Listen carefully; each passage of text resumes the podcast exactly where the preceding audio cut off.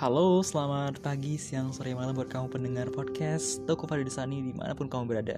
Hari ini tepat di tanggal 5 Agustus 2021 Hari di mana aku baru kembali dari perjalanan trip seminggu yang aku rasa cukup nyaman Dan juga dengan progres yang cukup baik buat healing aku karena setiap kita itu memiliki masa untuk membutuhkan waktu sendiri dan juga membutuhkan waktu agar kita bisa untuk proses memperbaiki diri kita, mengetahui sebenarnya diri kita seperti apa dan apa yang akan kita lakukan untuk ke depannya.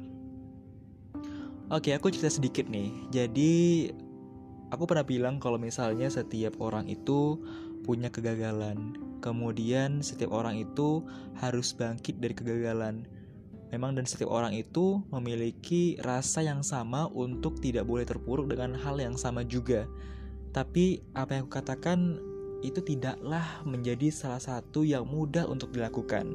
Karena aku sendiri aja memiliki berbagai cara untuk bisa kembali lagi, untuk bisa menjadi orang yang ceria, menjadi orang yang tetap semangat, menjadi orang yang memiliki tujuan khusus yang ingin dicapai. Benar, kegagalan itu menjadi salah satu momok buat kita untuk menjadi lebih baik. Tapi mencapai suatu perjuangan agar kita itu bebas dari rasa terpuruk itu adalah salah satu yang dibilang menjadi titik poin penting untuk kita melakukan hal yang terbaik. Berbagai cara sih sebenarnya.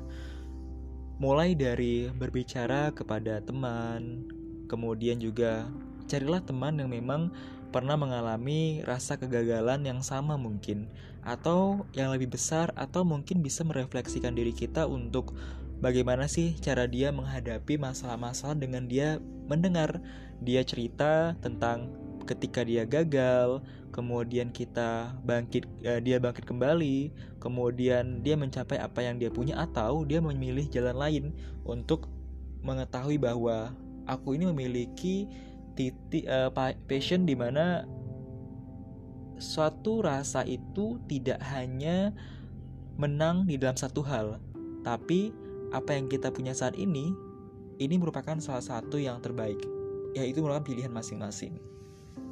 Atau juga kita bisa melakukan uh, pendekatan diri kepada Tuhan, tapi ini penting banget sih. Kalau mungkin aku bilang ini pilihan pertama, ya ini adalah pilihan pertama. Karena apa pun itu, bahwa kita tuh harus menerima dan juga tawakal kalau dibilang adalah menerima dengan segala keputusan yang sudah dikehendakkan oleh Tuhan. Jadi Tuhan atau Allah juga memberikan rasa kegagalan tapi memberikan juga pasti solusinya untuk kita semuanya. Jadi aku berpikir bahwa unik gitu loh. Gak semua apa yang kita inginkan itu adalah yang terbaik buat kita. Gak selamanya yang kita agung-agungkan, yang kita rencanakan, yang kita persiapkan dengan baik, itu sesuai dengan apa harapan kita. Karena ada satu hal, ada petunjuk lain yang mungkin yang kita juga nggak tahu ke depannya bagaimana, apakah bisa mengubah hidup kita? Ya, itu merupakan sebuah kuasa yang kita nggak mesti tahu, tapi kita harus yakin bahwa kita tuh nggak sendirian, ada tangan Tuhan, ada Allah yang selalu bersama kita.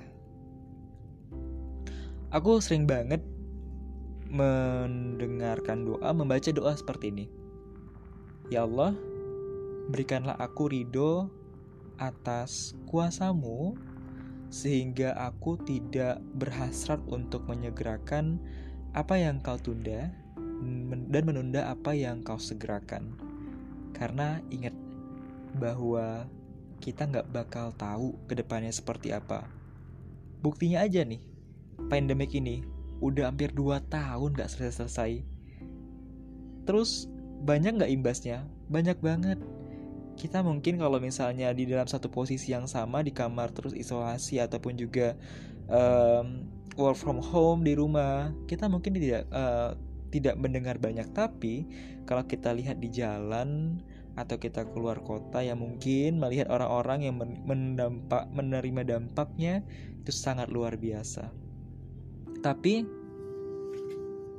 ternyata bahwa apa pun agamanya, apa pun yang kita punya saat ini, rasa iman itulah yang membuat semuanya menjadi kuat. Saat aku kembali kemarin aku cerita sama seseorang pemilik hotel tuh.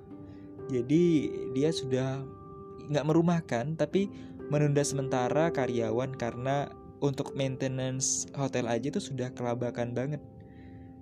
Dia bilang mungkin kalau misalnya kita nggak punya rasa kepercayaan sama Tuhan, sama Abdalem atau sama uh, Sang Hyang katanya gitu, kita mungkin sudah nggak mungkin seperti ini, udah blank gitu. Jadi ya rasa percaya, rasa iman itu sangat penting yang harus tanam pada diri kita masing-masing. Berikutnya adalah tadi yang pertama mungkin yang ya harus kembali kepada iman kita ya ke Tuhan. Yang kedua bercerita kepada teman. Yang ketiga nih melakukan trip perjalanan.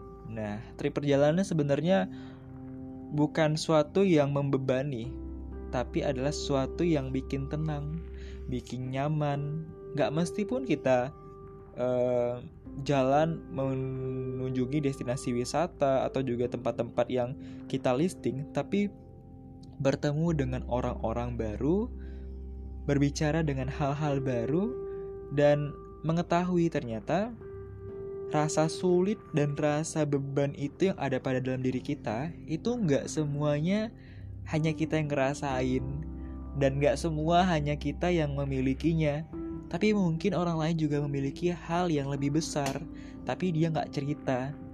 Dia tahu solusi caranya, dia berserah, dan dia yakin bahwa hari ini akan menjadi lebih baik lagi daripada hari kemarin.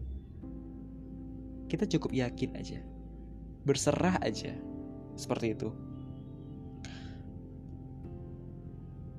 Kemudian sudah sudah kita menuju tempat, dah kita tinggal berserah aja. Kita tinggal menentukan aja arahnya. Berdoa mendekatkan diri ya sudah kita menentukan aja doanya. Kita menanti jawabannya kita menanti kepastiannya dan apa pun itu kita harus yakin bahwa tidak ada cobaan yang melebihi dari uh, batas kemampuan kita masing-masing itu kalau misalnya kita sudah mampu melewati ini Berarti cobaan ini adalah cobaan yang terbaik buat kita dan yang akan memperbaiki diri kita. Oke. Okay.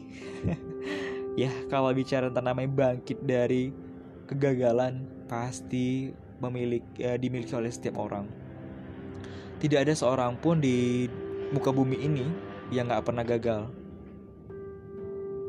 Pasti ada, pasti semua orang pernah gagal kalau bicara tentang orang yang lebih tua dan lebih dewasa, pasti rasa gagalnya beda.